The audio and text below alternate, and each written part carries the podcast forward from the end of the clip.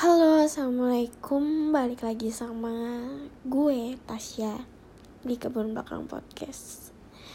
Kali ini sudah memasuki bulan April. Sudah mendekati bulan suci Ramadan juga. Gimana hari-hari kalian semua? Gue nggak tahu kenapa rasanya kayak gak nyangka aja udah mau ketemu Ramadan lagi kayak apa ya diri gue tuh kayak belum siap gitu loh untuk bener-bener kayak apa ya tahun kemarin pada saat corona kayak gini gak bisa ke masjid gak bisa apa namanya 10 malam terakhir di masjid taraweh di masjid itu tuh uh, tahun ini gue belum juga bisa membayangkan hal itu juga terjadi gitu loh. Dan eh, nggak uh, nyangka ternyata bisa secepat ini waktu. Dan ya itulah gue sedih banget jujur aja. Dan bingung harus gimana dengan kondisi keadaan yang kayak gini. By the way hari ini itu hari Selasa tanggal 6 April 2021 Hari ini pas banget gue konsultasi atau terapi ke psikiater. Jadi akhir akhir ini nggak tahu hari ini tuh rasanya kayak ramai banget jalanan.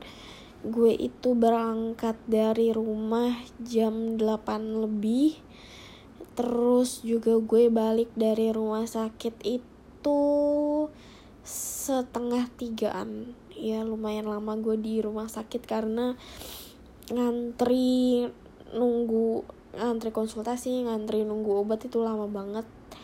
Jadi ya lumayan lama makanya. Dan di jalan tuh nggak tahu kenapa rame banget gitu loh nggak kayak gue biasanya. Biasanya tuh kayak rame tapi nggak serame sekarang gitu. Kayak kalau sekarang tadi tuh kayak uh, apa namanya lampu merah tuh macetnya lumayan agak panjang gitu. Terus juga motor tuh padet di lampu merah tuh kayak padet banget. Terus ya gue jadi kayak udah hari ini tuh siang siang tuh panas banget terik jadi gue kayak di jalan tuh panas banget kayak udah nungguin lama. Di rumah sakit bete banget. Terus juga pas gue balik siang ya terik banget sih. Itu lumayan kayak ah capek banget hari ini ya kan? Gimana kalau hari kalian?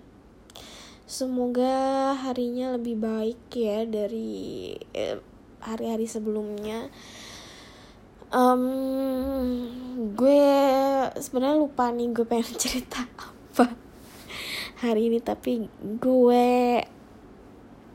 bersyukur banget bahwa Alhamdulillah nyampe detik ini masih diberikan kesehatan bahwa gue akan menemui bulan suci Ramadan. Gimana kalian? Pastinya juga semoga bisa bersyukur karena kita di akan dipertemukan dengan bulan yang suci gitu loh. Dan gue juga aduh agak deg-degan gak tau kenapa.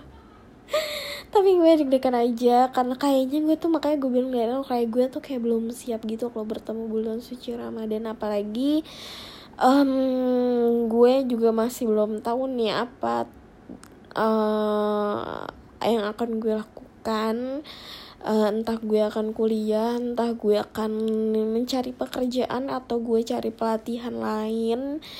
Uh, gue juga masih mencari-cari itu sambil gue ya konsultasi atau apa namanya terapi psikiater.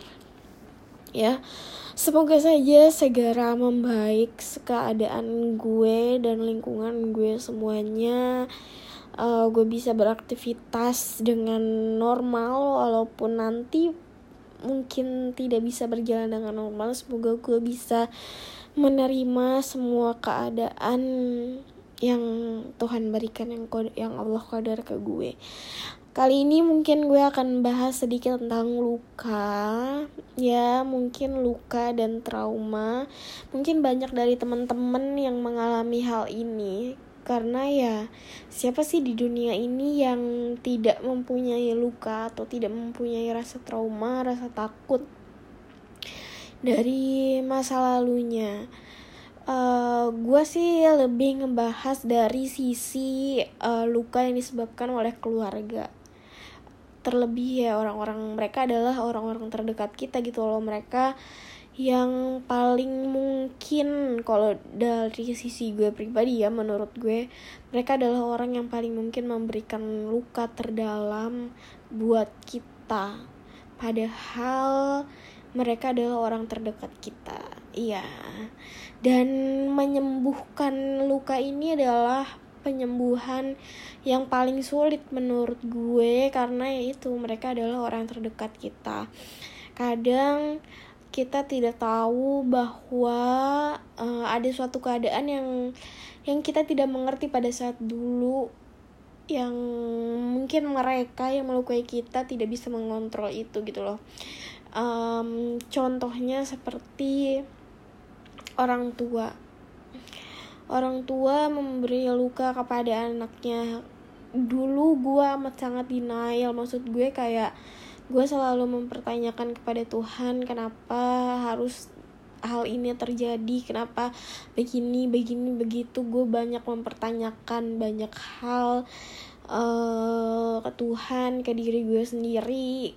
Apa pun itu di kepala gue tuh terlalu banyak pertanyaan gitu loh. Sampai akhirnya gue dipertemukan pada jawaban um, ya memang keadaannya pada saat itu begitu gitu loh. Yang udah berlalu nggak bisa diulangi lagi. Yang harus kita terima adalah orang yang melukai kita ini mereka juga sebenarnya punya luka yang tidak mereka yang mereka sendiri bahkan tidak tahu dan mereka juga belum menyembuhkan luka itu gitu loh.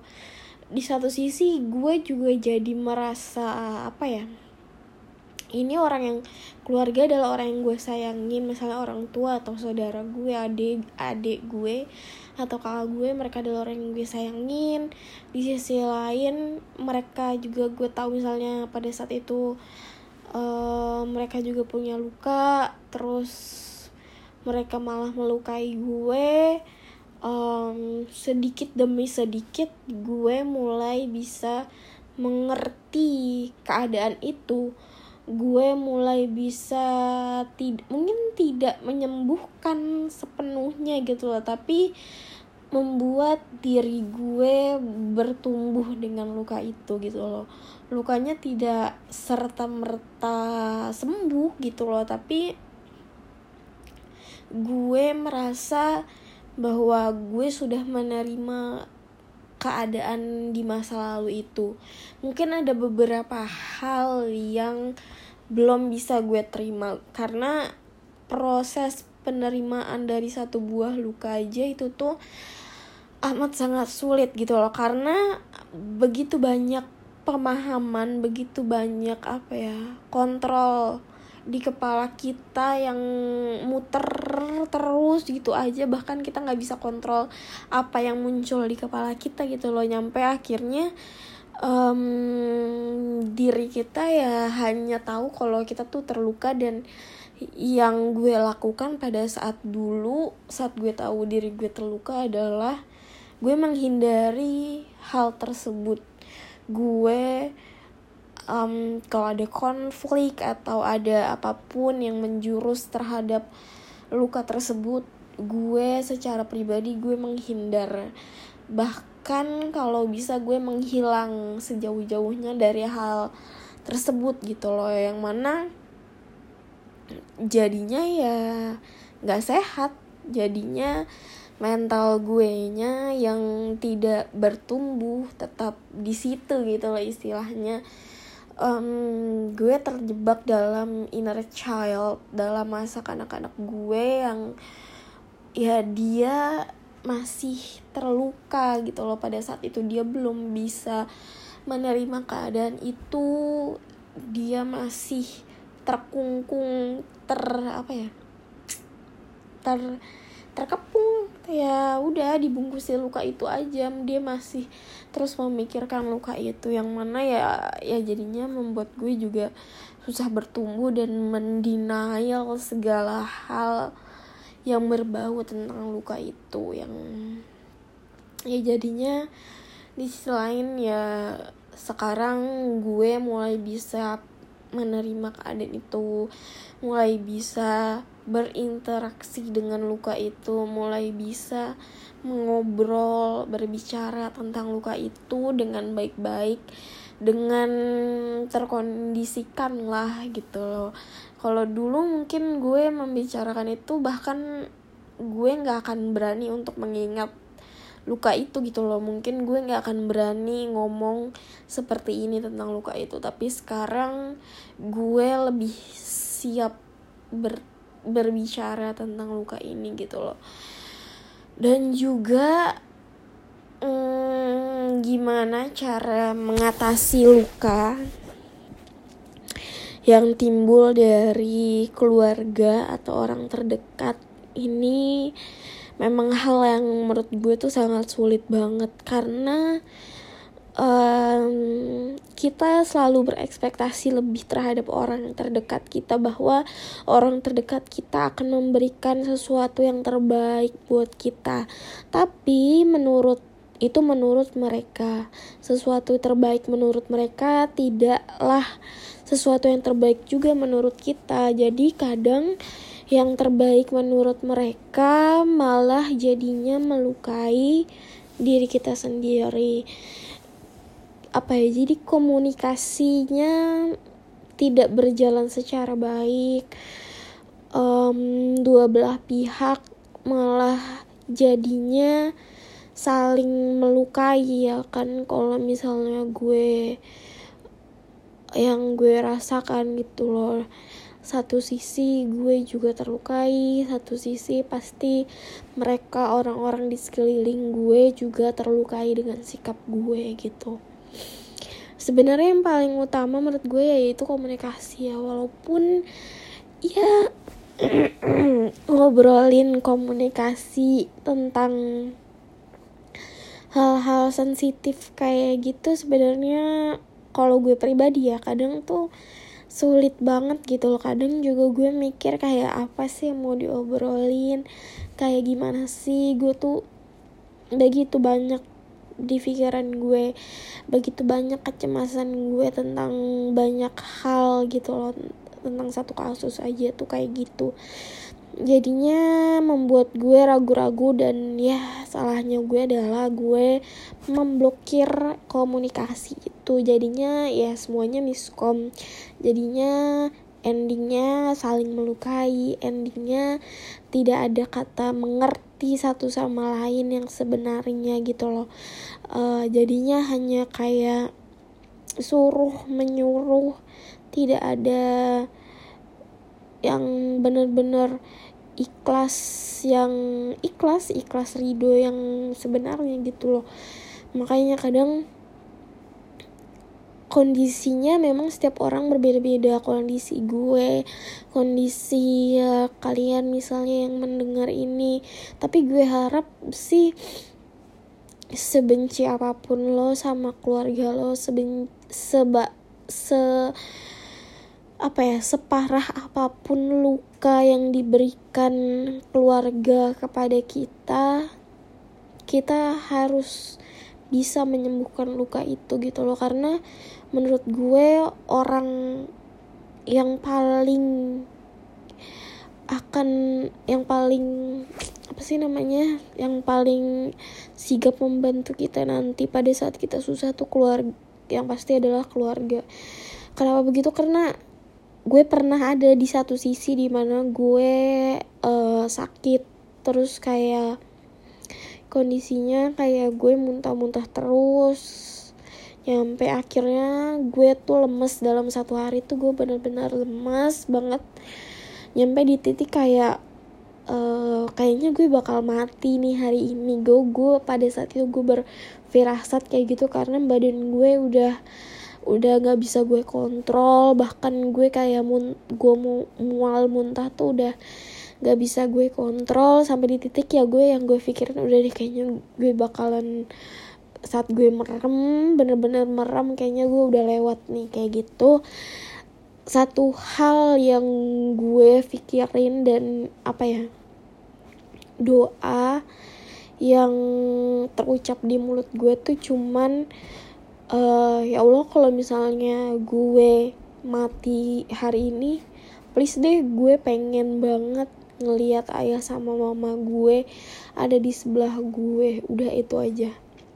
Pada saat itu hanya hal itu yang terlintas di kepala gue gitu loh. Kayak um, begitu banyak orang yang gue cintai ini menyakiti gue tapi gue tetap cinta sama dia gitu loh. Bahkan sampai di titik terakhir yang gue inginin gue ingin melihat mereka gitu loh. Sampai kayak pada saat itu gue sadar gitu loh. Maksudnya kayak gue selalu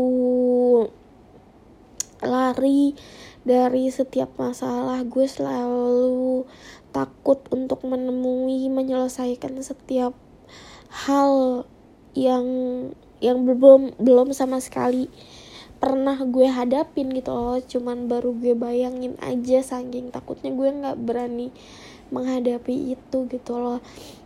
Sampai berakhir ya gue sadar kayak gue mau nggak mau ya harus gue hadapin gitu loh. Karena saat di titik terendah gue saat gue tidak bisa melakukan apa pun pikiran gue dan lingkungan gue akan selalu tertuju kepada keluarga gue sendiri gitu loh. Dan dan mereka adalah pada saat itu gue disadarkan ya mereka adalah orang yang, terpenting dalam hidup gue gitu loh. Walaupun memang dari awal ya mereka adalah orang yang terpenting dalam hidup gue. Tapi pada saat itu gue juga sadar bahwa mereka orang terpenting dalam hidup gue yang selalu mengingatkan bahwa gue juga adalah manusia gitu loh. Gue juga adalah makhluk sosial yang membutuhkan satu sama lain. Kayak mereka gue butuh mereka mereka juga butuh gue gitu loh. Dan gue selalu setelah itu gue kayak mulai bersyukur dengan keadaan, mulai memperbaiki diri gue sendiri, mulai mencintai diri gue, mulai apa ya namanya ya, memperbaiki komunikasi. Dan ya itu yang gue lihat orang yang terluka istilahnya adalah gue orang yang terluka yang bisa melihat luka orang lain adalah orang yang terluka yaitu gue. Gue bisa melihat um, betapa terlukanya kedua orang tua gue betapa, betapa juga terlukanya adik-adik gue kakak gue mereka juga punya lukanya masing-masing gitu loh. Dan gue tidak ingin merasa apa ya merasa sok kuat bahwa gue akan mengobati luka mereka tapi gue juga tidak ingin mereka tersiksa dengan luka yang mereka punya. Gue um, hanya ingin ketika mereka apa ya gue hanya ingin ya memberikan tangan gue selalu membuka tangan gue lebar ketika mereka meminta tolong kepada gue maupun saat mereka kelihatan susah pasti akan selalu gue tanya gitu loh. Ya begitu. Dan gue nggak bisa cerita luka-luka apa aja yang ada di adik gue kakak gue orang tua gue.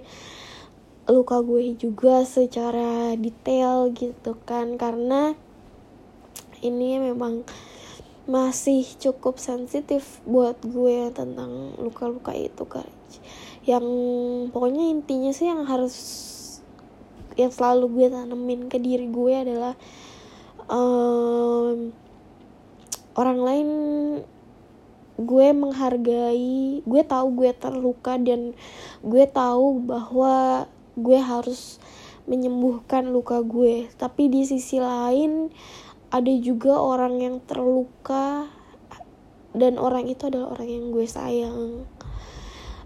Gimana caranya gue tidak melukai orang itu? Dan gimana caranya orang itu bisa baik-baik saja dengan luka yang dia punya? Atau bahkan orang itu juga bisa menyembuhkan lukanya sendiri. Sembari gue juga menyembuhkan luka gue. Karena gue percaya banget kayak gelas yang diisi yang selalu diisi selalu diisi. Ketika ada orang yang butuh untuk diisi gue bisa ngisi air ini gitu loh. Ketika gue punya air ketika orang lain perlu diisi gue bisa ngisi ngisi mereka mengisi mengobati mereka. Makanya dari itu gue uh, selalu mengisi diri gue juga gitu loh. Gue mengobati diri gue ini ya gue mengisi gelas gue yang akan gue isi ke orang-orang lain kayak gitu. Ke siapa pun itu gitu loh. Makanya um, pada saat gue speak up di Instagram banyak temen-temen alhamdulillah banyak teman-teman juga yang nanya ke gue tentang kesehatan mental tentang apa yang dia rasain. Gue sangat appreciate banget um, luar biasa banget buat mereka yang bisa menceritakan apa yang dirasakannya ke gue. Dan gue mencoba tidak menjudge apa yang mereka rasakan karena gue tahu banget rasa perasaan yang mereka rasain. Walaupun gue nggak bisa mengerti apa yang mereka rasain gitu loh karena gue tidak merasakannya tapi gue tahu itu pasti ketika itu menyakitkan itu akan amat sangat menyakitkan. Ketika itu sedih itu akan amat sangat menyedihkan. Ketika itu senang itu amat sangat membuat senang mereka kayak gitu. Gue hanya membantu sebisa gue dan semampu gue aja. Karena ya gue pengen banget jadi orang yang bermanfaat ya. Karena ya gue bilang tadi gitu loh ketika pada saat yang gue sakit itu gue nggak bisa uncontrol badan gue diri gue. Gue nggak bisa ngapa-ngapain kayak gue pikir kayak gue udah bakal lewat kayak gitu. Yang gue pikirin ya gimana? Gue amalan gue apa yang gue punya gitu ya gak sih? So mungkin segitu aja cerita kali ini dari gue. Terima kasih. Jazakumullah. Sudah mau mendengarkan. Maaf banget kalau misalnya ada salah-salah kata. Pasti banyak banget kata yang diulang sama gue. Dan ya sorry banget kalau annoying pengen banget rasanya punya temen atau punya sahabat siapa pun itu entah mungkin nanti kalau gue udah punya jodoh gitu kan udah punya pasangan punya temen cerita dan mungkin gue gak akan buat podcast lagi. But ya kita mungkin bakalan buat podcast sama pasangan gue kalau misalnya gue udah punya pasangan so thank you. Udah ya tadi ya. So thank you jazakumullah assalamualaikum warahmatullahi wabarakatuh